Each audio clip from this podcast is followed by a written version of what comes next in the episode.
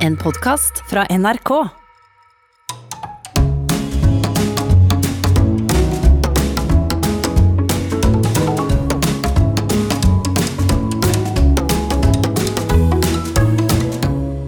Hjertelig velkommen til Sånn er du her på NRK P2, hvor eh, Nils Brenna Nils gir lyd. Hei.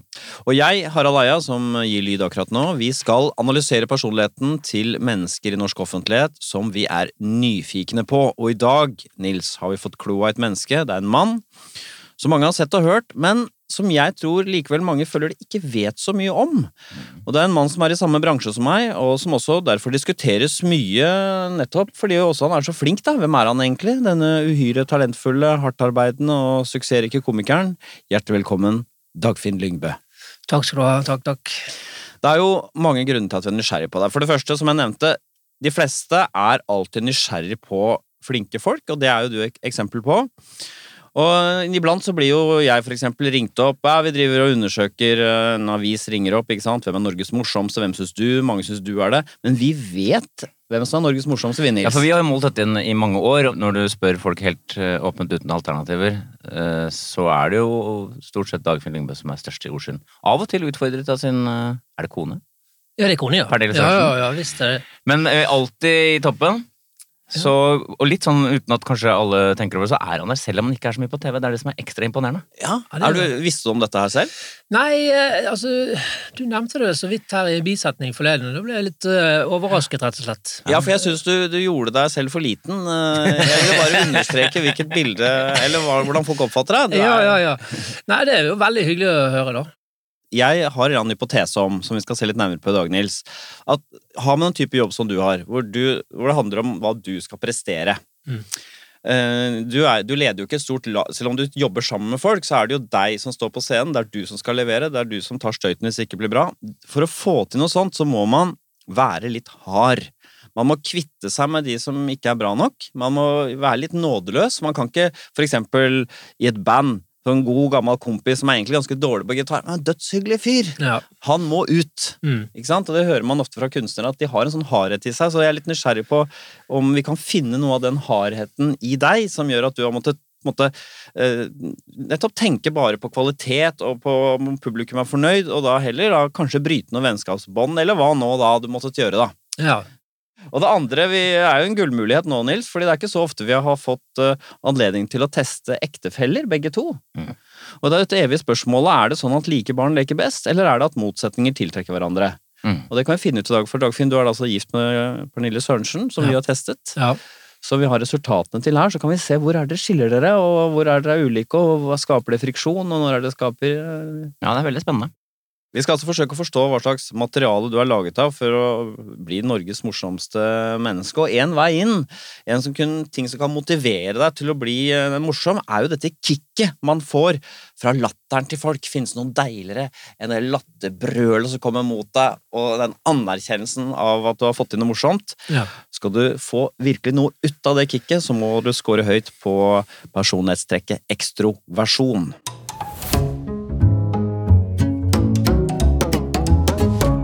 Ekstroversjon det handler om hvor mye glede og kick man får av den ytre verden, men også hvor mye energi man investerer i andre. Og la oss begynne med det. La oss begynne med den underdimensjonen som heter varme, som handler om uh, hvor mye energi man investerer i å pleie nære relasjoner gjennom vennlighet og hensyn. Ja. Tilbøyeligheten til å søke nærhet. Og dette handler altså ikke om å være sosial, Nei. Men om å gå nært inn når man treffer andre mennesker. Ja. Hva tenker du? Er du en type sånn nær, varm type? Uh, ja i, Med utvalgte så er vel kanskje det Ja. vil, vil jeg si. Ja, så selektiv, selektivt varm. Selektivt varm. Ja. ja. Og da skal vi ned. vi kan minne om scoren. Eh, 50 er gjennomsnitt, da har du helt i normalområdet. Ja. Du har da fått tallet 36, Ja, ja. som drar seg mot ganske tydelig, da. Ja. Så da er det spennende å finne ut av, selv om du da er varm mot utvalgte, hvordan er du da mot de ikke utvalgte? Ja, jeg er vel kanskje kald, da. Eller, ja. Ja, det er interessant, fordi at allerede her så har vi Eller her så har vi et veldig tydelig forskjell på deg og Pernille. Ja. Pernille har veldig høy score her. Ja. Og sånn som man kjenner Pernille, hun er veldig sånn når det eh, kommer folk, veldig sånn imøtekommende, inkluderende, liksom armene ut, liksom. Absolutt, absolutt. Og, og veldig interessert. Og, Ikke og sant? sånt, ja. mm. Kan ikke du reflektere litt om deg selv knyttet til dette? Eh, Jo da. øh, der, jeg er jo ikke så øh, kan du si, interessert i å spørre og spørre og spørre, for jeg, jeg antar vel at hvis folk har veldig lyst til å prate om ting, så ville de bare fortalt om det. Nettopp! Sånn sier faren min òg. Ja. Og jeg tenker jeg vil liksom ikke være den som sitter og, og Hva tenkte du da, og hva følte Ja. du da, hvorfor Nettopp. det, og, ja, var ikke det litt rart? Og så, og så kanskje dele en ting fra seg. Ja, vet du, sånn var det for meg når jeg Ja. og, og så spør meg hva tenker du om Altså, det, jeg- det vet ikke jeg. Jo, jo, men er det slags hensyn, da? Er det litt sånn, eller? Ja, vet du hva, for at, øh, ofte så føler jeg at uh, når folk spør meg veldig direkte om personlige ting, så, Ja. så har ikke jeg helt uh, Jeg har ikke helt klart å, å konkludere sjøl ennå. Så det vil være ja. veldig rart hvis At noen kommer og henter det? kommer og da, før henter det før jeg er ferdig, på en måte. Så, Ja. Jeg trekker inn Harald her, fordi han er jo lav og enda lavere enn deg på dette. ja. Er det sånn er det sånn at dere egentlig ikke er så superinteressert i alle mulige folk? Er det litt sånn det foregår, Dagfinn? Øh, ja, altså kan, kan du si at jeg føler på en måte at mennesker har øh, du, du vet sånn cirka hvordan mennesker har det, og du kan nesten du kan sånn cirka forestille deg hvordan det er å gå gjennom en, en eller annen, enten et brudd eller hva de eventuelt har gått Mm. gjennom. Så akkurat den der eh, overflateskimmingen og hvordan har du det, uff, det var ikke lett. Mm, eh, mm. Det, det føles helt eh, Altså, jeg, jeg antar at han skjønner at jeg skjønner det. Nettopp. Ja. Jeg skjønner. Ja. Og at, er det også litt sånn, å spørre, er det sånn, litt sånn at praten da på en måte blir litt overfladisk? Er det litt sånn man tenker på det? Ja, det føler jeg da. At, Ja. at uh, det blir sånn følelsessurfing, Ja, i stedet for hvordan du egentlig har det, som, som kreves en helt annen setting, en helt annen enn eksempel i brylluper der man sitter til bords, og så skal man ta en sånn her eh, følelsesskip rundt hele bordet. Hvordan, ja. Du har jo akkurat gått fra, og så, og så skipper du over. Altså, du kommer ikke inn på det i det hele tatt. Det blir på en måte mer sånn, eh, ja, sånn eh, tabloid lektyre-følelsesskipping, istedenfor å én til én. Men, det, du- vil du, e- men la oss si at du kunne kommet i, dypet, da. Ja. Hadde du villet til det? Uh, uh, ja, det, det kunne jeg fint fint gjort, ja. Ja. Mm, og, og vil nok føle at jeg hadde hatt eh, jeg, kunne vært en ålreit samtalepartner for eventuelt eh, en vedkommende. Så. Nettopp. Ja. La oss si du sitter til bords ved et bryllup, da. En dame ved siden av, så um, hun er biolog, hun jobber med immunforsvaret. Mm, Uh, men hun har også vært gjennom et samlivsbrudd. ja. Av de to tingene vil du kanskje helst høre om immunforsvaret? Ja, det er helt klart plukket opp i immunforsvaret der. Og så hadde jeg kanskje vitset litt eh, om det samlivsbruddet i denne immunforsvarssamtalen. Ja, metaforen Jeg har brukt- fra samliv. Ja, ja, ja. jeg skjønner. jo, jeg har lyst til å spørre, er det en, tenk, er det en Syns du det er en fordel for deg at Pernille er såpass eh, varm? Er det på en måte dere som par? Er det en slags sånn avlastning at hun tar seg av den jobben med å huske hva folk heter og bursdager og Eh, Ja. Øh, en forskjell på Jeg husker jo Jeg er jo flinkere til å huske bursdager eh, eh, hjemme hos oss. Ja.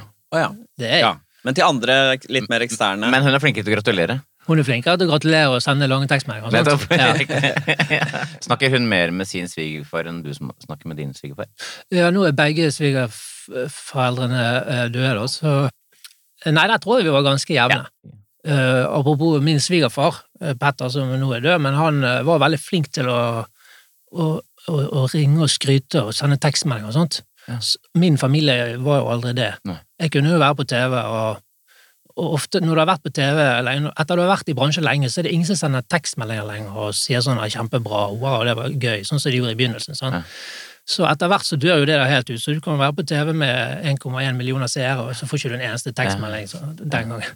Så, men Petter, min svigerfar, han var alltid den som, uansett hvor lite det var, om det var på radioen eller det var, så hørte på deg i dag kjempebra, liksom. Ja. Og så hørte, så fortalte han at han jevnlig ringte kompiser, selv om han ikke hadde noe å fortelle, han bare ringte. Nettopp. Så, så når han døde, så bestemte jeg meg egentlig inne i hodet mitt at nå skal jeg bli litt mer Petter Sørensen, og jeg skal ringe oftere til selv perifere kompiser og sånt. Mm. Har du Så gjort det? Ja, jeg har faktisk uh, gjort det. Selvfølgelig med mer eller mindre he- eh, altså Men føles det rart, eller? Nei, vet du, det gjør det faktisk ikke. Nei. Jeg hadde trodd det. I hvert fall med sånne militærkompiser som ikke har snakket med på tre år, eksempel, og så bare ringer 'hei, hvordan går det?' Og, så bare flyter det. Så det er ikke noe sånn eh, 'hvorfor i alle dager ringer du?' Ja, men jeg er ikke enig i det, for det er sjelden jeg snakker telefon sjøl, men når jeg gjør det, så er det ganske lett også. Ja, det er overraskende lett, og, og du får eh, overraskende mye igjen for det. Så når, og, og Pernille er jo veldig sånn til å spørre 'hvordan går det med, hvordan går det med Carl', for eksempel. Altså, og, og vanligvis før tiden så Jeg vet ikke, jeg har ikke sett den siden 1977. Men nå kan jeg si 'jo, det går bra', sånn og sånn. Jeg snakket med han for et par måneder siden, og, så har du en sånn, sånn liten eh, statusoppdatering på hele familiesituasjonen. Så det er ganske hyggelig, altså. Så Hyggelig egentlig har du tatt deg sammen litt, og det har fungert litt. ganske bra? Ja, veldig bra, faktisk. Så er det en underdimensjon under um, ekstraversjon som heter sosiabilitet. Det er jo den mange forbinder med det å være ekstrovert. ikke sant? Mm. Du elsker mennesker. Mm. Eh, Jo flere, jo bedre. Eh, Behov for det sosiale. Uh, Ikke noen få, men mange. Hvordan er du her? Er du en utpreget sosial type, tenker du, Dagfinn? Eh, nei Eller vet, vet du hva, det der tror jeg kanskje er en sånn her uh, yrkesskade. Mm. For egentlig så er jeg en ganske sosial type. Å oh, ja, sier du det? Altså før, før jeg begynte med standup-komikk, så, Mm. så var jo jeg med på uh, i musikkmiljøet, jeg var med i, i idrettsmiljøet og i kor og Altså, jeg, jeg var en veldig sånn sosial type innenfor fritidsaktiviteter, da. Nettopp. Ja. Dette, ja, nettopp. Fordi dette er jo vårt kanskje tydeligste funn og bidrar til vitenskapen, at kjente folk blir litt skadet på dette, denne fasetten her. ja. Eh, og du har jo fått en supertydelig score, da. 21. Det går ikke noe særlig lavere, ikke sant? Nei, ok. Det høres jo rart ut å stille seg, men hvordan er det å være såpass kjent og sosial? Hvordan merker man det som kjent person når man er ute i det sosiale? Nei, altså for, Forskjellen fra å være en ukjent person til en kjent person er jo at det ligger masse forventninger rundt deg. Mm. uh, bare i kraft av det du jobber som, på en måte. Uh, som sikkert mange yrkesgrupper har, men komikere kanskje har den der uh, forventningen om at du skal være morsom og være kvikk og Mm. ja, Hvis det skal loddes ut et eller annet, så er det jo helt naturlig at du tar mikrofonen. altså, De har en sånn forventning Ja. som gjør at Og det, det er jo det er jo ikke sånn eh, Man er jo ikke sånn, egentlig. Nei. Pluss at hvis jeg, hvis jeg skal lodde ut en kurv på et eller annet eh, arrangement, og ikke hadde vært komiker, Ja. så hadde jeg klart å gjøre det på en ganske morsom måte. Ja. Men ikke så morsom som den komikeren jeg er blitt, kan du si. Nei, skjønner. Skjønner du? Ja, At jeg skjønner. det forholdet der, det, Ja. det passer ikke. Nei. Og da blir jeg usikker, og da Mm. Ja. Så hadde jeg ikke vært komiker, så hadde jeg vært en strålende fyr å ha med på sosiale lag, for jeg hadde ikke tatt femflatt øre for å ønske velkommen og, Nei, og takk for maten-tale, alt det hadde gått helt fint. Men i og med at jeg er blitt den komikeren jeg er blitt, så er listen lagt for høyt, og da, da gidder jeg ikke. Jeg, jeg, jeg, føler, jeg føler at uh, det der kontrollgenet jeg har på at ting skal være bra, og at jeg skal være en bra komiker, det ødelegger for Ja. at jeg kan ta en blødme i sosiale Ja. lag. Så da to ganske lave scorer på ekstroversjon på Dagfinn så langt, Nils. Eh, Men eh, alt i alt så er det jo seks underdimensjoner her. Hvordan eh, ligger det an? Ja, og i sum da, så er du såkalt lav på ekstraversjon. Det vil si at du kan si at du er introvert. Ja, jeg ser det. Tallet er 40, så det er, sånn, det er tydelig nok. Ja, ja, ja. Når det er sagt igjen, så er det da bare disse to eh, varme og sosialitet hvor, hvor du er tydelig lav. Du er på snitt på det som heter positive følelser. Det vil si at du er i sånn nedre normalområde, kan kanskje defineres som lav på det som er sånn eh, glede og entusiasme. Ja, Der er jo Pernille kjempehøy, for eksempel. ja, ja det vil jeg anta. Så i sammenlignet med henne er du Ja. lav, i hvert fall. Ja. Men du er ikke spesielt lav. Og så er du da på snitt på aktivitet, som handler om livstempo, energi og travelhet. Ja. Og så er du på snitt på spenningssøking. Ja. Eh, og så er du høy, ikke veldig ganske høy på selvmarkering. Så det er jo interessant, for det, vil, det betyr jo at når du først er til stede, f.eks. i vennegjengen, så tar du jo relativt mye plass, antakeligvis. Ja, det kan hende. Ikke, du, er ikke, du er ikke fullstendig dominerende, men du er ganske høy, da. Nei, jeg tror ikke vennegjengen min vil si at jeg er introvert. Nei, ikke Nei. sant? Nei. Nei. Ok, så um, en uh, introvert uh, type Dagfinn, men ikke helt entydig heller, og mulig litt skadet av karrierevalg. Ja, ikke sant? Så er det dette harde da, som jeg var litt opptatt av. ikke sant? Skal du, uh, skal du levere kvalitet, så kan du ikke ha med noe daukjøtt, for å si det litt brutalt. Vi skal se om Dagfinn er selv laget av et hardt materiale. Vi skal se på din score på medmenneskelighet. Medmenneskelighet handler om man møter mennesker med åpne armer eller piggene ute. Og vi begynner med en eh, underdimensjon som fanger opp eh, det som jeg syns er noe av det viktigste med denne personlighetsdimensjonen, nemlig hvor medgjørlig man er. Og det går på føyelighet, kaller vi det.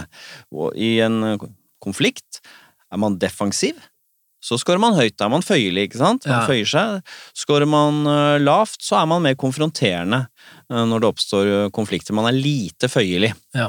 Hvordan er du? Er du en Jeg, jeg, jeg tror kanskje jeg er lite følelig, altså. Vil jeg anta. Ja, du har, fått et, du har ikke fått et superlavt tall, men du har fått et tall som er tydelig nok til at vi kan definere det som lavt. Ja. 41. Ja. Så det er noen og 80% som er mer føyelig enn deg. Ja. Fortell. Ja, sant. Ja, nei, altså, jeg, altså hvis jeg mener ting og, og føler at jeg har rett, eh, og, og så er jeg veldig tydelig på at det Og det koster meg ingenting å gi beskjed om det, eller det gjør ikke det. Nei. Og hva betyr veldig tydelig når du sier det? Nei, det er veldig tydelig. Jeg kan jo bli ganske irritert og, og sint. Du kan det? Ja, ja. ja da. og, da, og da er det eh, Men for å ta jobbsammenheng først, da. Ja. Er det sånn hvis noen ikke leverer eh, på det nivået du mente at man burde forvente, Ja. og da, da er det ikke sånn 'Å ja, dette var jo ganske fint, jeg skal se på litt nærmere på det', så, sånn. Du er veldig tydelig da på at dette er ikke bra.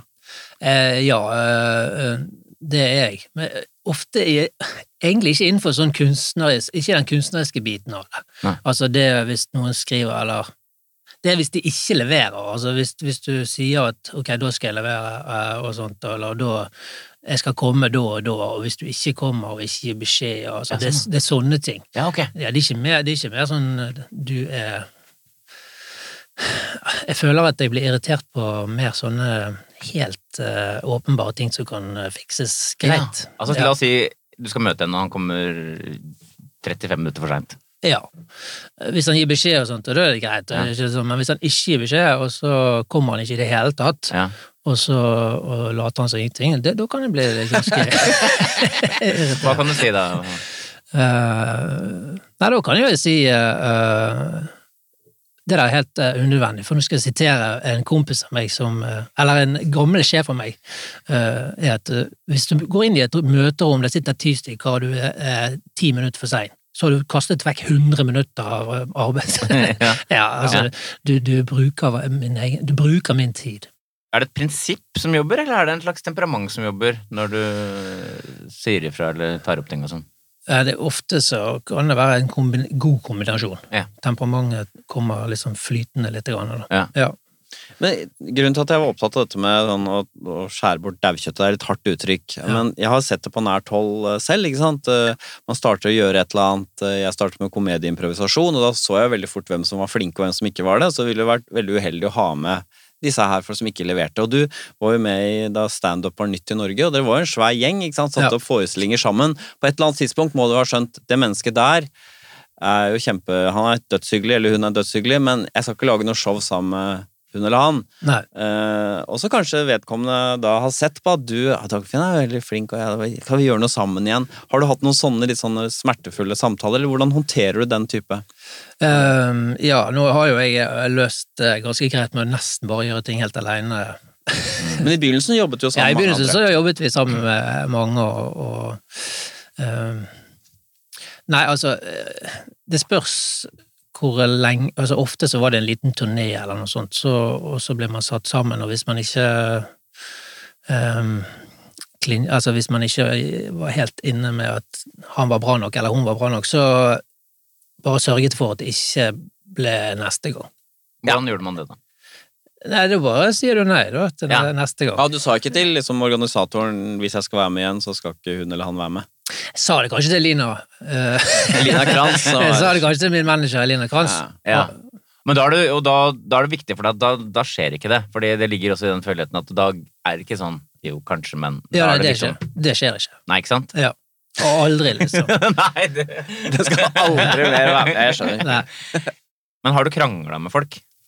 Er du noen sånn type, liksom? Har kranglet med folk, ja. Ja. Um, men altså, vet i, i uh, standup-bransjen så blir det ofte Det var jo, var jo ganske mye øl etter hvert, uh, Ja. under, sånn, så det blir jo litt sånn her uh, Litt sånn uh, etter tolv-diskusjoner som uh, rett og slett uh, Ja.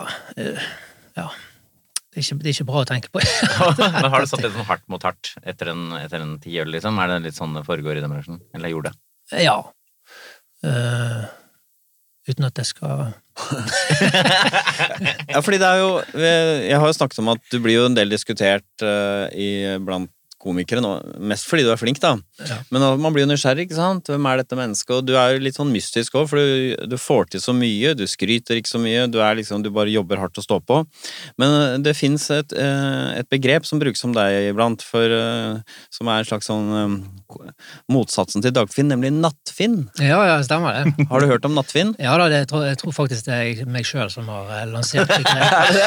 Hva, hva er det for noe? Nei, det er at jeg uh, får det for meg og skal gi beskjed om ting. Uh, Men det er mer sånn uh, hevneren i svar. Altså, det er mer sånn Jeg føler det er på riktig side av loven. Da. Ja. Ja da. Fortell hva er det Nattfinn gjør. Han er en Ja, noen ganger så kan Nattfinn være en kvinnes beskytter. Ja. Eh, hvis, hvis noen er veldig sånn flåsete eller tafsete eller noe sånt, så kan jeg fint gi beskjed om det Ja. Ganske tydelig. Ja. Nattfinn er, har en sånn fra, ja. Rettferdig. han, er, han er streng, men rettferdig. Ja. altså, han good guy, Nattfinn, altså. Streng, men urettferdig. Ja. Ja, jeg føler ofte det, at han er en good guy og gir beskjed. Gi beskjed når folk har vært idioter. Ja. Og hvis folk sier eh, idiotiske ting, eller rasistiske ting, Mm. eller en eller annen vits, eller som upassende, så kan Nattfinn fint uh, Hvordan, hva påpeke. sier, hva sier, hvordan gjør han det helt konkret, da? Må du kutte ut? Må du gi deg? Ta og Skjerp deg! Ja, du er der, ja. Oppfør deg på den måten. Ja, det er såpass, ja. Ja da, Ja, ja, såpass. ja. Og nå vel, dette var jo ganske mild eh, versjon. ja, ja. Dette var Dagerøy-Finn, det. ja, ja. Ja, men det er jo litt interessant, for det er jo ikke så ofte, det er jo ikke så mange Du er jo ikke sånn, Harald, på den måten. Du gir ikke sånne type sånn bassete, strenge beskjeder sånn sett. Nei, det er ikke så mye av det. Jeg vet ikke ordentlig hvorfor. Men det er jo Atle som har jo tatt noen av de jobbene sånn ellers, er det ikke det? ja, ja. Atle Antonsen. Natle. Natle Antonsen. Atle Nattonsen. Når du har gitt disse beskjedene, er folk, har folk litt sånn respekt for deg? Får du litt sånn støtt, liksom? Du, jeg eh, Ofte så um, husker jeg det eh, Altså, det er ikke sånn at jeg ikke husker det, så jeg ringer ofte om morgenen til vedkommende. Ja. Hei, det er Dagfinn her, ja. Du snakka med Nattfinn i går. ja, men Så da er det å be om unnskyldning, liksom? Eller? Eh, Ja, jeg sier unnskyld at jeg eh, var litt eh, streng i går og sånt, men Du mente jo innholdet, kanskje? Ja, ja, og jeg sier det, men Nettopp. jeg mener det sånn, sånn og sånn. Ja. Hvor ikke han oppfører seg sånn. Ja. Så, men jeg håper det er alltid good. good. Ja, for det er jo men det, det er, Og der er det særlig i komikermiljøet hvor de driver med dette her. Det er ikke sånn på nabofesten eller Nei, nei, nei, dette, dette, dette Nattfinn har jo faktisk eh, ikke det det er mange år siden han uh, har vært aktiv.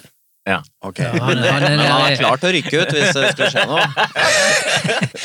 Jeg vet ikke om han har tatt eh, Om han pensjonert seg eller hva. Jeg, Hvis man er eh, høy på medmenneskelighet, så er man også da ydmyk, Nils. Mm. Eh, og det kalles for beskjedenhet. Eh, Skårer man lavt på beskjedenhet, så har man eh, ganske høye tanker om seg selv. Skårer man høyt, så eh, er det sjelden at man eh, driver og skryter så mye av egne prestasjoner. Hvordan tenker du? Er du en beskjeden type? Er alltid vanskelig, siden da man må skryte av å være beskjeden. ja, det er Men- veldig sånn Ja. tveget svar, dette. Ja. Men er du selvgod, da, for å si det på en annen måte? Nei, det, det føler jeg rett og slett ikke at jeg Nei. er, altså. Det er riktig. Du har fått tallet 60, som er tydelig høyt. Ja. Det vil si at ca. 85% er mindre beskjeden enn det du er.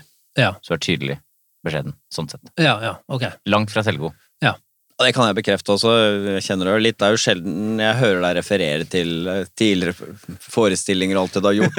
Ja, ja. Du har en lang CV, men det er, Ja. du får ikke høre om titt og Ja, nei, det var jo Jeg gjorde jo evolusjon Altså Ja, nei, det er faktisk veldig sjelden jeg sitter og snakker sånn. Ja. Føler du at det er liksom ikke noe du tenker på engang? Er det sånn? Jeg føler ikke at jeg tenker så mye på det. Nei, for det er ikke sånn at du må holde tilbake noe du har lyst til å rose deg selv for. Det bare Nei. ikke er et ønske, liksom. Det er ikke et ønske. Plutselig jeg er så øh, selvkritisk. Ja. Så, så det som jeg har gjort før Jeg, jeg får helt øh, øh, Jeg får klump i magen av å se på det. Ja. Fordi at jeg føler at det var ikke bra. Det var ikke akkurat sånn jeg hadde tenkt det skulle Nei. bli. Og, så det er så mye som jeg hadde Men selvfølgelig, det ble jo så bra, for det var, akkurat, det var det jeg laget akkurat da. Sant? Mm. Men når du kommer et par uker etter, eller et par måneder eller et år etterpå, så ser du i retrospekt, så ser du så mye ting du har lyst til å forandre. Mm. Mm. Som du kanskje ikke hadde sett den gangen, men ja. Mm. Hva, hva tenker du? Du, du, har jo, du er jo i en bransje hvor det er mange folk med store egoer, folk som kommer fra eller kanskje føler seg litt sånn eh, ja, bedre enn andre, ikke sant? Eh, Mens eh, du gjør suksess, vinner komipriser, og, du er ganske, og din bakgrunn også er jo litt sånn Du har en folkelig bakgrunn. ja. Hva Så- betyr det helt konkret? Nei, Det betyr jo at du, du, er ikke, du kommer ikke fra noe sånn noe sånn snobbete miljø. Nei. Eh, faren din var blomsterhandler, eh, Ja. og du kommer fra et sted utenfor Bergen. Askøy, ja. Askøy, ikke Veldig folkelig sted. Et folkelig sted. Har du noe, hvordan, når du møter liksom de litt sånn eh, Jeg er jo fra Bærum, riktignok Rykken, da, som er en sånn ja, blokksted, men allikevel. Når du, det er jo mange av oss sånne som meg. Ikke sant? Østlendinger som er høye på seg sjøl. Har, du- har du gjort deg noen tanker der? Er det sånn at du har reagert på at uh, folk er litt sånn selvfornøyde? Har du hatt noen sånn, en slags sånn reaksjon på det? At du har mislikt det? Eller har du bare Sånn er de, jo. Ikke mislikt, men jeg har vært veldig forundret over hvor eh, fornøyd folk er med egen, egne prestasjoner. På det jevne, egentlig. Altså, Ja, ja, ja. Folk er 'herregud, så bra det gikk i dag'. Og jeg tenker det gikk vel egentlig ikke så sinnssykt bra, men det er greit. Det er veldig bra at du er happy, liksom. Ja, for det blir ikke sånn Jøye meg, åssen kan du skryte så mye av noe så mediokert? Du tenker ikke det? Nei, jeg blir bare, det blir jeg hvis de i samme åndedrag driver og slenger dritt om noen andre. Ja, ja. Da kan jeg bli litt Da uh, muggen. Jeg etterlyste jo denne hardheten, at det var en slags øh, nøkkel for å gjøre det skarpt i en sånn jobb som Dagfinn har. og han øh, skårte jo lavt på føyelighet, men ellers er det noen lave score på medmenneskelighet her? Du er på snitt på altruisme, som handler om sånn hjelpsomhet og sånn. Det er klart at hvis man jobba mye og sånn, så jo, tenker man også litt på seg selv, men her er det helt på snitt. Ja. Og så er det på snitt på det som heter følsomhet, som blant annet rommer empati, så, som Ja. et vanlig menneske der. Ja. Så er du høy på tillit, du er ganske tillitsfull. Mm. Går ikke rundt og er liksom paranoid og mistenker folk. Nei. Så er du da høy på beskjedenhet, som jeg snakka om, og så er du høy på rett fremhet, som kort fortalt betyr at du er ikke noe sånn player og renkespiller. Du er ikke en sånn eh, intrigefyr. Nei. Nei, du er ganske lett Det du ser, er det du får, liksom. Ja. Og sånn intriger, det er noe av det verste jeg vet, faktisk. Ja. Sånne der, eh, folk som snakker om den og den som har satt den og den opp. Ikke sant? Altså, det er, altså, da får jeg Ja, for der er du langt unna. Men du ville klart deg dårlig ved hoffet til Ludvig den 14. og Absolutt. ja. ja, hele det renkesystemet hadde jeg eh, Game of mist. Thrones også, eller vært litt Ja, det hadde også vært veldig svakt. Skal bare si at, eh, Og i sum så er du da ganske høy på medmenneskelighet. Det er den lave føyeligheten som trekker Trekker ned, ja. Ja, så du er ikke den øh, kunstneregoisten. øh, kulturmannen, ikke sant. Vi har lest om han som øh, brenner ekteskap og vennskap for å skape stor ja. kunst. Mm. Han er ikke du. Så det er ikke der det ligger, Nils. Nei, han, det, det, det harde ved ham er jo også til og med på vegne av andre. Nettopp. Uff a meg, ja. Ja. Det høres helt flott ut. Ridder. Ja, ja, jeg har lyst til å spørre Nattfinn sjøl om det er riktig. Men ja. Vi får se. Mange av de komikerne som har festet seg i folks bevissthet som liksom urkomikerne, sånn Woody Allen, Harald Heide Steen, Sarah Silverman for mitt vedkommende, og også Espen Eckbo, de er nevrotikere. Det er nervøse typer som bærer verdens byrder på sine skuldre. Så skal vi se da om Dagfinn Lyngbø passer inn dette bildet, om han er en klassisk nevrotiker. Her kommer din score på nevrotisisme. Nevrotisisme det er jo negative følelser, det. Hvor mye de preger deg. Henger de lenge i deg? Mm. Engstelse, stress, alt dette her som eh, er nyttig å ha i, eh, ikke sant? i, i jungelen, Ja. men eh, i vårt moderne liv så er det også litt til overs. Og vi begynner med en, på en måte den minst funksjonelle av disse nevrotiske følelsene og tendensene, og det er depresjon. Tendensen til å kjenne seg trist og nedstemt samt følelse av skyld og verdiløshet.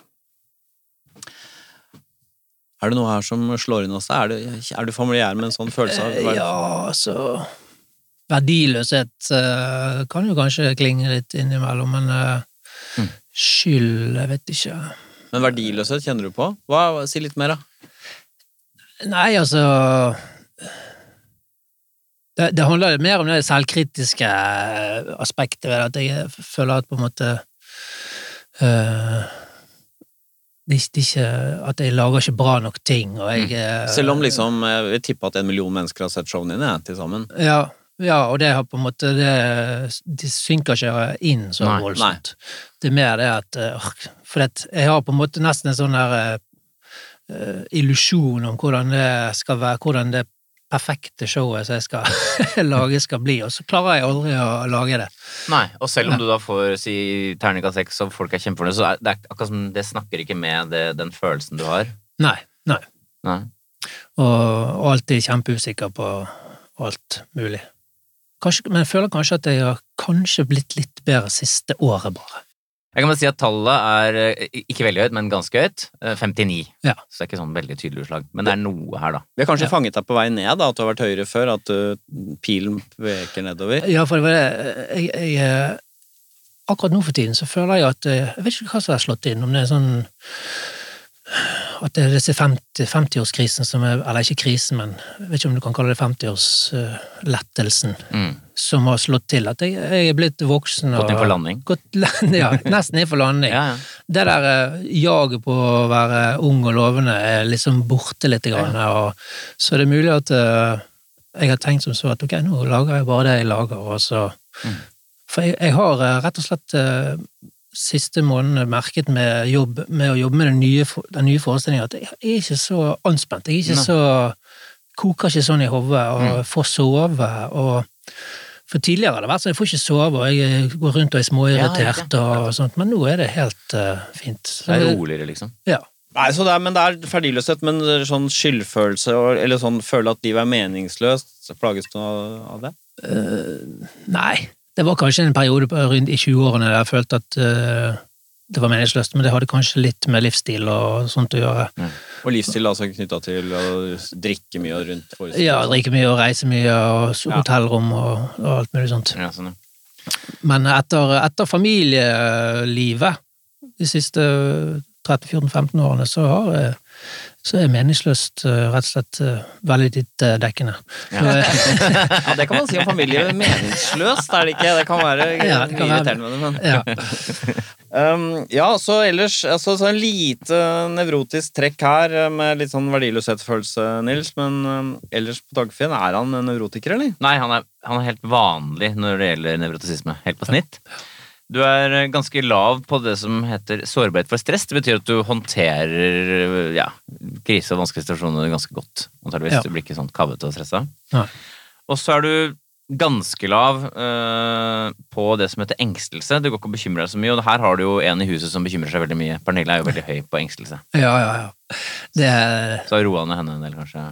ja, det er tre av fire dager i uken går med til å dempe, slukke skogbranner. Hva, kan, du, kan du by på en? Hva kan det være? Nei, altså, jeg kan bare ta fra siste døgn. så skulle en, en av guttungen skulle bade på Bogstadvannet, og da er det um, For det første så Hvor gammel er han, bare for å ta det? Ja, han, blir, han er 12, blir 13, sant? Så det er jo en uh, god Ganske stor gutt. Ja, ganske stor gutt.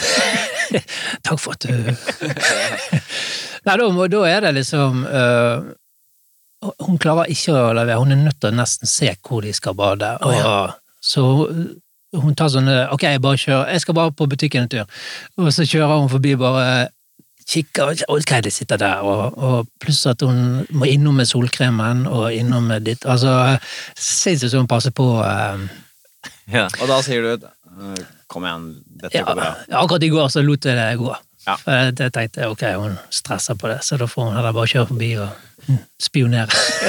Fordi det er jo noen, noen ganger sånn at f.eks. for eksempel introvert ekstrovert, så kan det være fint for en introvert å ha en ekstrovert partner som liksom foregår sosiale, og fint for den ekstroverte å ha den introverte som på en måte er la oss slappe av alene hjemme i kveld. Men akkurat hele nevrotisisme så virker det som bare den nevrotiske har noe å tjene på å ha en ikke-nevrotisk. Det er ikke at en sånn unevrotisk person som deg, som ikke er engstelig, er fint å ha litt uh, frykt. Nei, men vet Eller hva tenker du om det? Jo, det er ikke helt riktig, for at eh, eh, Skal vi se Ofte så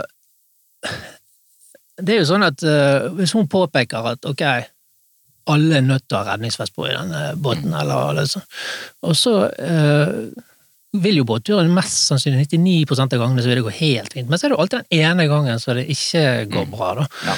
Men det er jo nyttig å ha en, et urolig menneske. Jeg også opplever det gang på gang, da, at jeg bare fedre på tur kan fort bli litt sånn eh, skader og sånn. Ja, og så har de med sånn så har med sånn burn gel sånn, i sekken og sånne ting. Som, og det har jo skjedd, at har, noen har brent seg og sånt. Ja. Og, så ja da. Skal bare sies at Pernille er ikke høy på nevrotisisme som faktor, hun har bare den engstelsesgreia. Ja. Ja. Så dere er faktisk like i sum. Du har litt høyere på depresjon, og hun er høyere på engstelse. ja. Og pluss at hun trenger egentlig bare preike seg gjennom eller, eh, alt som kan skje. Ja, ja, Det kan skje, det kan skje, det kan skje, det kan skje. det kan skje. Og hvis du bare hører på det, så sier du ja, men det kommer ikke til å skje. Ja. Det går fint. Så er det egentlig greit. Ja. Hun har fått Og så irriterer deg ikke over den uh, nervøse stemmen. Uh, det kan jo hende at det blir mye i lengden. Spesielt hvis hun jazzer seg voldsomt opp, da. Eh, på, ofte på sine egne greier, da.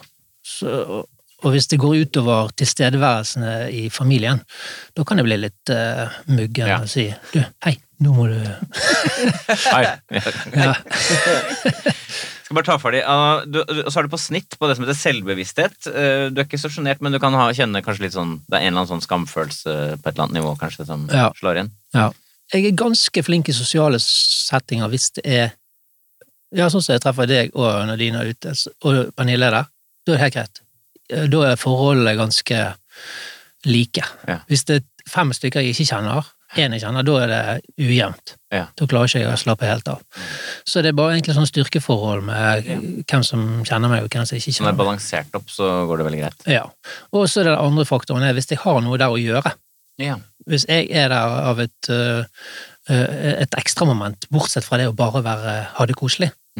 Bare være et sted og ha det koselig, det er ikke jeg så god på. Sier du det? Det- Men kan du kjenne skam på det, for å bruke et litt stort ord? Altså hvis du blir tatt på et Ja, sted bare for å ha det koselig? Uh, jeg kjenner- ikke skam på det, det er bare Nei. jeg, jeg koser meg ikke. Nei, jeg Jeg, jeg, altså, jeg skjønner ikke helt vitsen med å bare ha det koselig. Nei. Bare sitte ned og slappe av og chille og ha det ja, koselig. ok, okay. Men hvis jeg, øh, hvis jeg hadde hatt et eller annet, en oppgave der Ok, du skal øh, ja, sørge for at bålet holder seg hele kvelden. Mm. Da er det mye lettere for meg å være her. det var er han, ja. ja. Ja. ja hva gjør du her? Jeg er bålansvarlig. Ja, men det, jeg vet ikke, det er et eller annet veldig rart med det, men hvis jeg har et eller annet å gjøre, Ja. sørge for at det alltid er nok øl på bordet, kan du sørge for det? Ja da. Ja da. Da har jeg Og øh, da snakker du fritt. Og ja, da er jeg, her skal du ha en til, og ser du er tom, da har jeg en eller annen form for funksjon. Vel, jeg skal blåse på bålet litt her. bare. Jeg ser det. Så langt, Nils, så har ikke vi i vår personlighetstest fanget noe som kan forklare hvordan Dagfinn Lyngbø har blitt Norges morsomste mann. Nei. Han er unevrotisk eh, ganske. Han er ikke noe ekstra rart, får ikke noe glede av å stå på scenen. Så hva skal vi Hvis vi ikke finner noe nå på de siste personlighetsdimensjonene, så um, er vår test null og niks verdt, Nils. Helt riktig. Så dette er spennende også for oss. Mm. La oss se da hvordan Dagfinn Lyngbø scorer på planmessighet.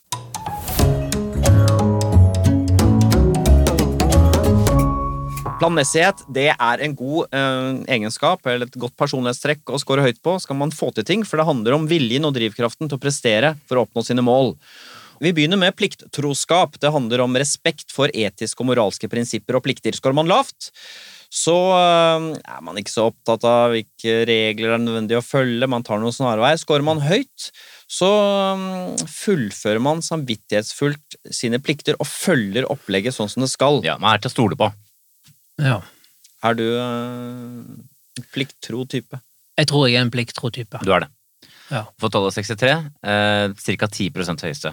Ja. Litt artig, fordi her vil jeg si at vi har hatt en sånn overrepresentasjon av folk som er lave på plikttroskap i dette studioet her. Ja, som øh, Sånn, er det sånn, sånn elsker oss som er det sånn nøye? Å, ja, Det ordner seg, er ikke så, det er ikke så viktig. Ah, nei, det er veldig viktig, Også. Ikke sant? ja, Si litt Ja. mer om det. Hva er det som, hva er det, hva er, det som er Nei, ting skal gjøres, og det skal gjøres i riktig rekkefølge, og alle de tingene der. Og det kan være små ting. Sette i oppvaskmaskinen, eh, levere manus når det skal, klippe Ja. plenen. Så, altså, det må Og det er en gjøres sånn følelse du har, da. At det, liksom, det skal gjøres, liksom. Det skal gjøres, og det skal gjøres ordentlig. Ja.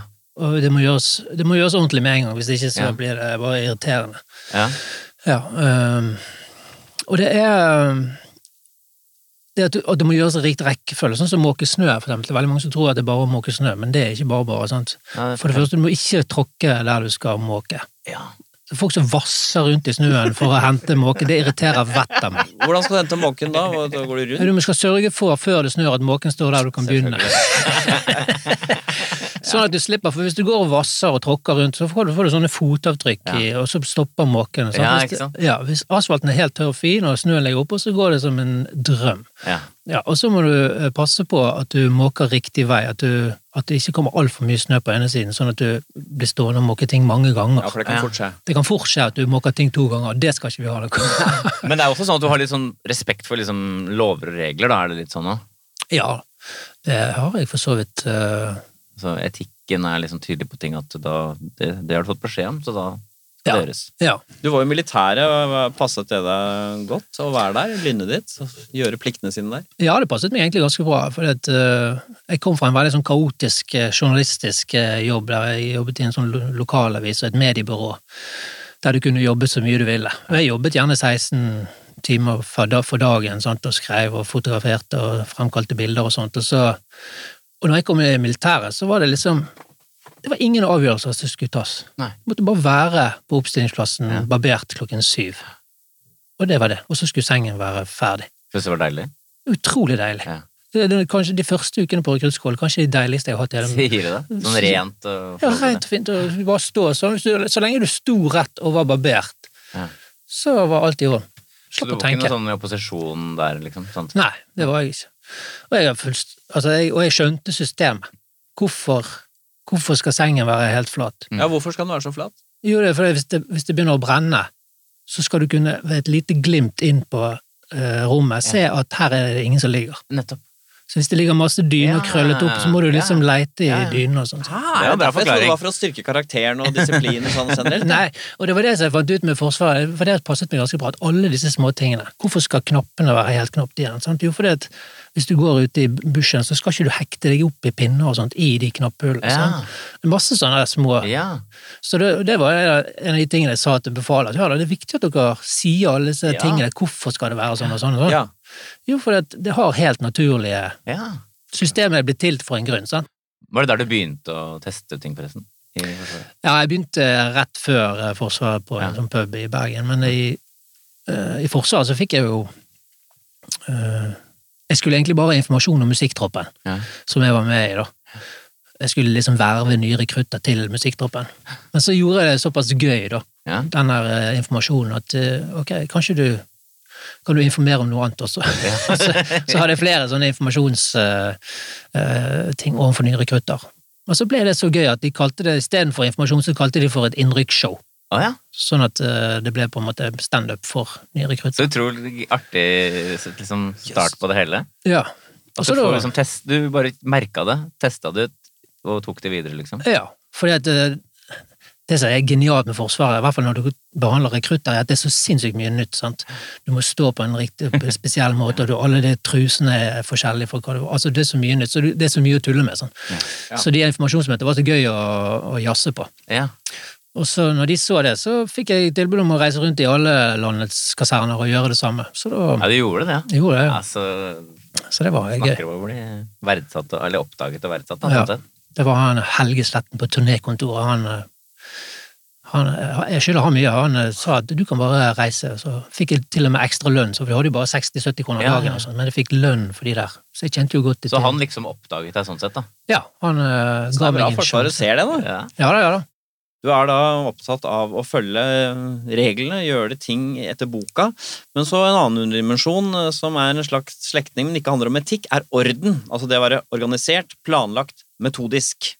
Ja, både ja og nei. Ja. Ja. Du har fått et tydelig høyttall, i hvert fall. Ja, 62. ja. Så du er liksom godt oppe på Godt organisert. Ja da, jeg, jeg er for så vidt det. Ja, når du beskriver den snømåkingen, så handler jo det om metodikk, Ja, ja, ja. system. Ja.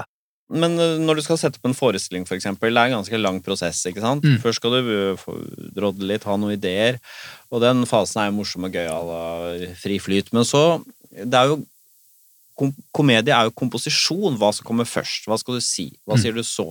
Hvilken måte skal du si det på? Mm. Eh, Er du Jeg opplever deg som veldig nøye der. Ja, det, det er jeg. Jeg er veldig nøye og, og har av og til et sånt litt sånn skjematisk eh, oppsett i hodet over hvordan jeg tenker det skal være. Og, og... si litt om det. Hvordan ser dette skjematiske opplegget ut?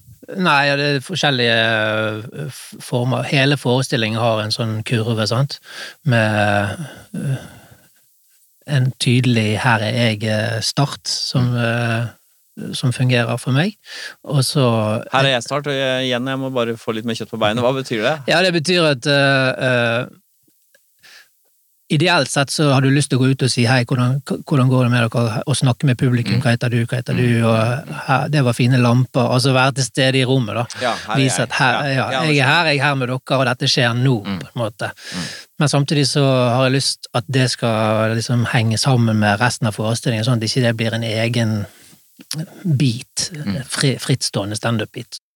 Pluss at jeg føler at uh, når du kommer til steder, kommer til Stjørdal eller du kommer til uh, Trondheim eller hvor henne, så du har jo lyst til å vise at uh, jeg syns det er gøy å være her, og, og så er det temaetableringen, sant? Og så har du da en Hva handler det om dette her i dag? Hva er det vi skal snakke om? Jo, vi skal snakke om svik, eller Ja, ja, hva det handler om. Sant? Ja. Det det er jo det skal det handle om, også, men så er jeg også opptatt av at det skal være det skal ikke være lenge mellom hver latter, det må være 15-20 sekunder eller noe sånt, helst. Så du må pøse på med vitser. Men så skal du gå i en kurve opp, og så har du en halvtime til der du må liksom forske litt andre retninger, men så det siste kvarteret så må du gå opp igjen. Hva betyr opp Uh... Ja, i intensitet, Ja. i for det første i antall vitser, og for det andre i uh, antall gode vitser. Ja. At det må være Ja, en god latter. ja. Mm. For det er vel en sånn regel psykologisk at folk husker høydepunktet, og så husker de slutten. I totalvurderingen. av Riktig, riktig. Ja. Og da, når du utforsker, da, så når du sier den der rolige fasen, så er det mer at du kan være tillate deg å være litt mer filosofisk, da, ikke sant? Ja, filosofisk, og du kan dirigere, altså du kan være langt ut på viddene, og Ja. trenger ikke ha noe med noe å gjøre, og du kan til og med gå ut og snakke med publikum igjen, og altså du har, mye, du har et sånt lite friområde der du kan leke med hva som helst, da. Før Og du, jeg er nysgjerrig på hvordan oppdager du denne det, det skjemaet du beskriver her, er det noe du har lest deg til, har du diskutert deg fram til det, eller har du analysert deg og kjent fram til at jeg bare kjent det på meg, på Ja. kroppen. Ja, Så det har blitt Ja. liksom mer og mer til etter hvert som du jobba? ja, ja. Er det sånn at du skri, altså nesten, altså, lager et sånt ark når du begynner at du kan nesten fylle inn? Er det på så konkret nivå? Ja, det er nesten sånn. Uh, nesten så jeg lager settlisten nesten før jeg har vitsene, sånn at jeg eh, Settlisten er altså punktene, Punktene som beskriver beskriver hva jeg kan snakke om. Blåbærtur Uh, Ja, ja, ja. Ja. Og, ja. Og så har jeg tomt. Dersom det er tomt, eh, der vet jeg akkurat hva type vits som skal være. Ja, Ja, nettopp. Det er veldig strukturert, dette her. ja.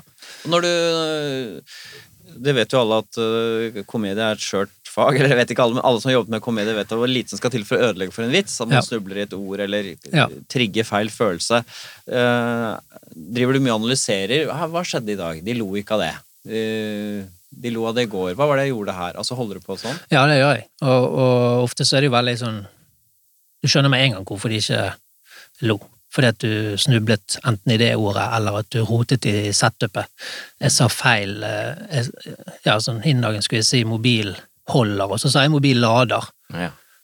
Og da, da, forstyrrer du hele det neste minuttet, for de skjønner ikke Hvorfor sa han eh, Ja, for du ser for deg den mobilen. Ja, og så blir, det, og så blir de rotet. Å, han mener sikkert Ja, for fordi da er det ikke bare at de ikke ler først, men så sitter igjen litt? Sitter, er ja, de sitter og tenker å, han mener sikkert at mobil holder, og da jo, har jo jeg pratet av gårde.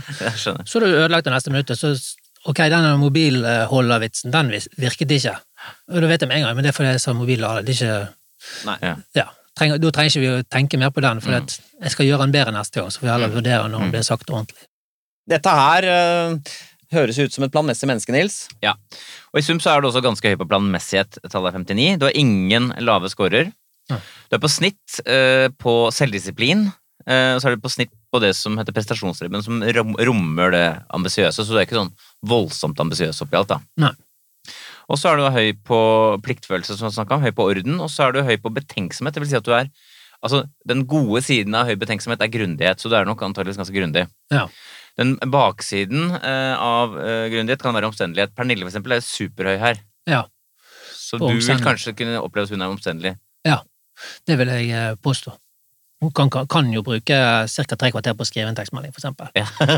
Så Så her har vi øh, endelig fått truffet blink. Altså, hvorfor har Dagfinn kommet dit han har gjort? Jo, han er strukturert, øh, har orden, er øh, ryddig.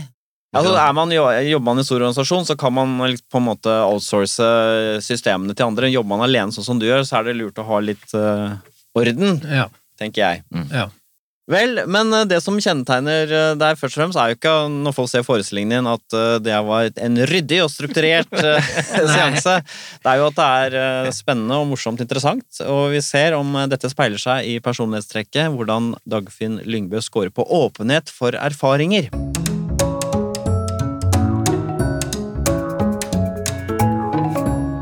Åpenhet for erfaringer det handler jo om nysgjerrighet eh, på nye ting, men det handler også om fantasi, altså kreativitet, forestillingsevne. Noen mennesker har jo vanskelig for å forestille seg ting som ikke fins, mens for andre så går det veldig lett. Hvordan er det med deg, Dagfinn? Er du en, en utpreget fantasifull type? Litt kleint når jeg får ordet Ja, jeg vil beskrive meg sjøl som en fantasifull Ja, jeg vet. Nei, jeg, jeg tror jeg har god fantasi. Ja, du har skåret i hvert fall høyt på det som heter fantasi. Ja. Men er det sånn at for Pernille er høyskåra, du er også høyskåra, Harald, men er det sånn at du og Pernille har dere liksom opererer dere på samme måte sånn sett? ja, der er vi ganske like. Ja. Der er vi ganske like. Klarer å utfylle hverandre godt. Og da jobber dere nesten litt sammen. Kan dere drodle mye sammen og sånn? Vi kan drodle mye sammen. Ja. Og det gjør vi. eh, Det må jo være litt sånn berikende, da, for å bruke et sånt ord, å kunne gjøre det hjemme sånn. Ja, det er veldig kjekt, egentlig. Ja. Eh, og Var det sånn som barn også, at du syntes synd på eksempel det verktøy i verktøykassa til faren din som aldri ble brukt? Som bare lå der? ja, ja, ja. Sånne ting. ja. Og så den skumle for Jeg kommer fra en gammel gård, sant. Så Og før, før liksom Eller da jeg var liten, så hadde vi noen griser og sånt, og før min tid så var det jo tillatt å slakte dyr hjemme og sånt, så vi hadde jo slaktepistol stående oppå opp på hyllen. Og den var så sinnssykt skummel, sant. Der sto. Slaktepistoler, det er jo sånne som du slår på med hammer, sant. Ja. Kule inni, og så sånn liten der, og så setter du den på pannen, så er de Og den eh, den, den var et stort element i min fantasi da Ja, jeg var ja. liten. Den var det. Skumle slaktepistol.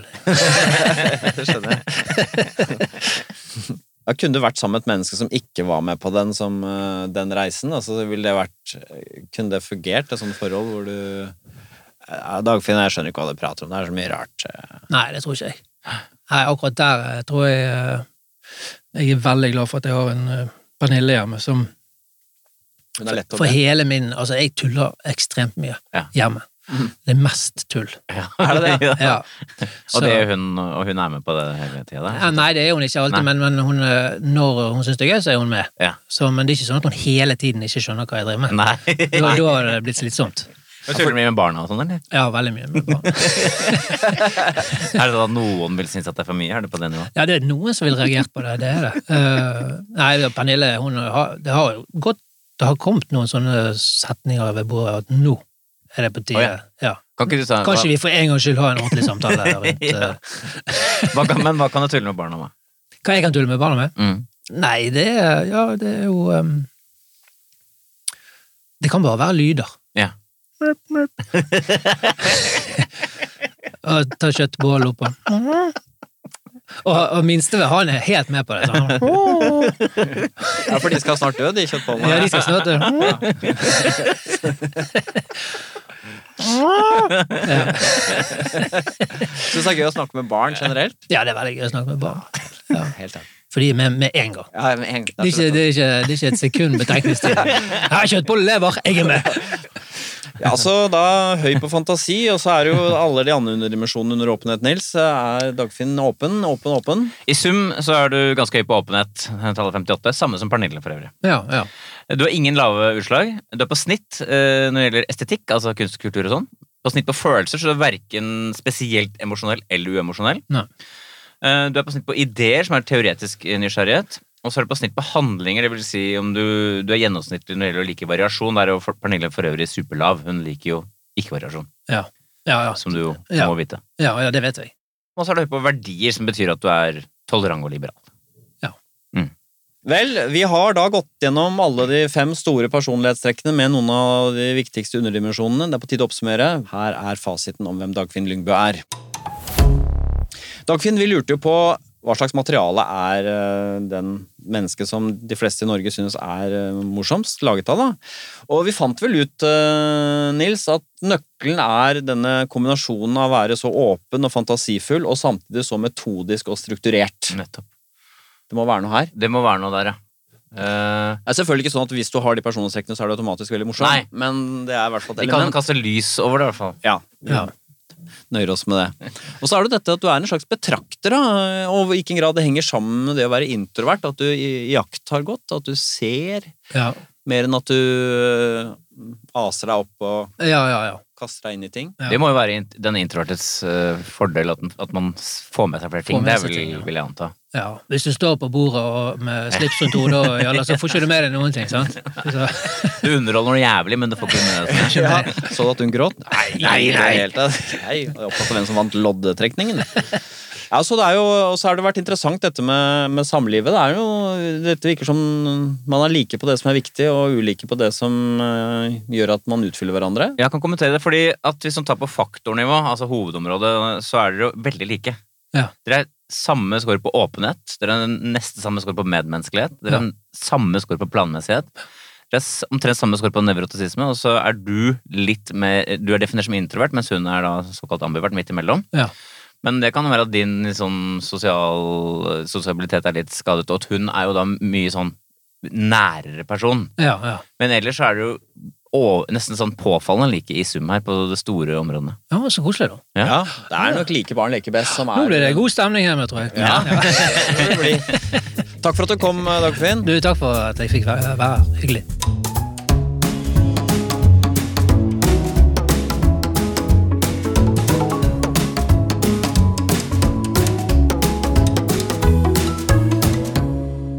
Du har hørt en podkast fra NRK. Hør flere podkaster og din NRK-kanal i appen NRK Radio.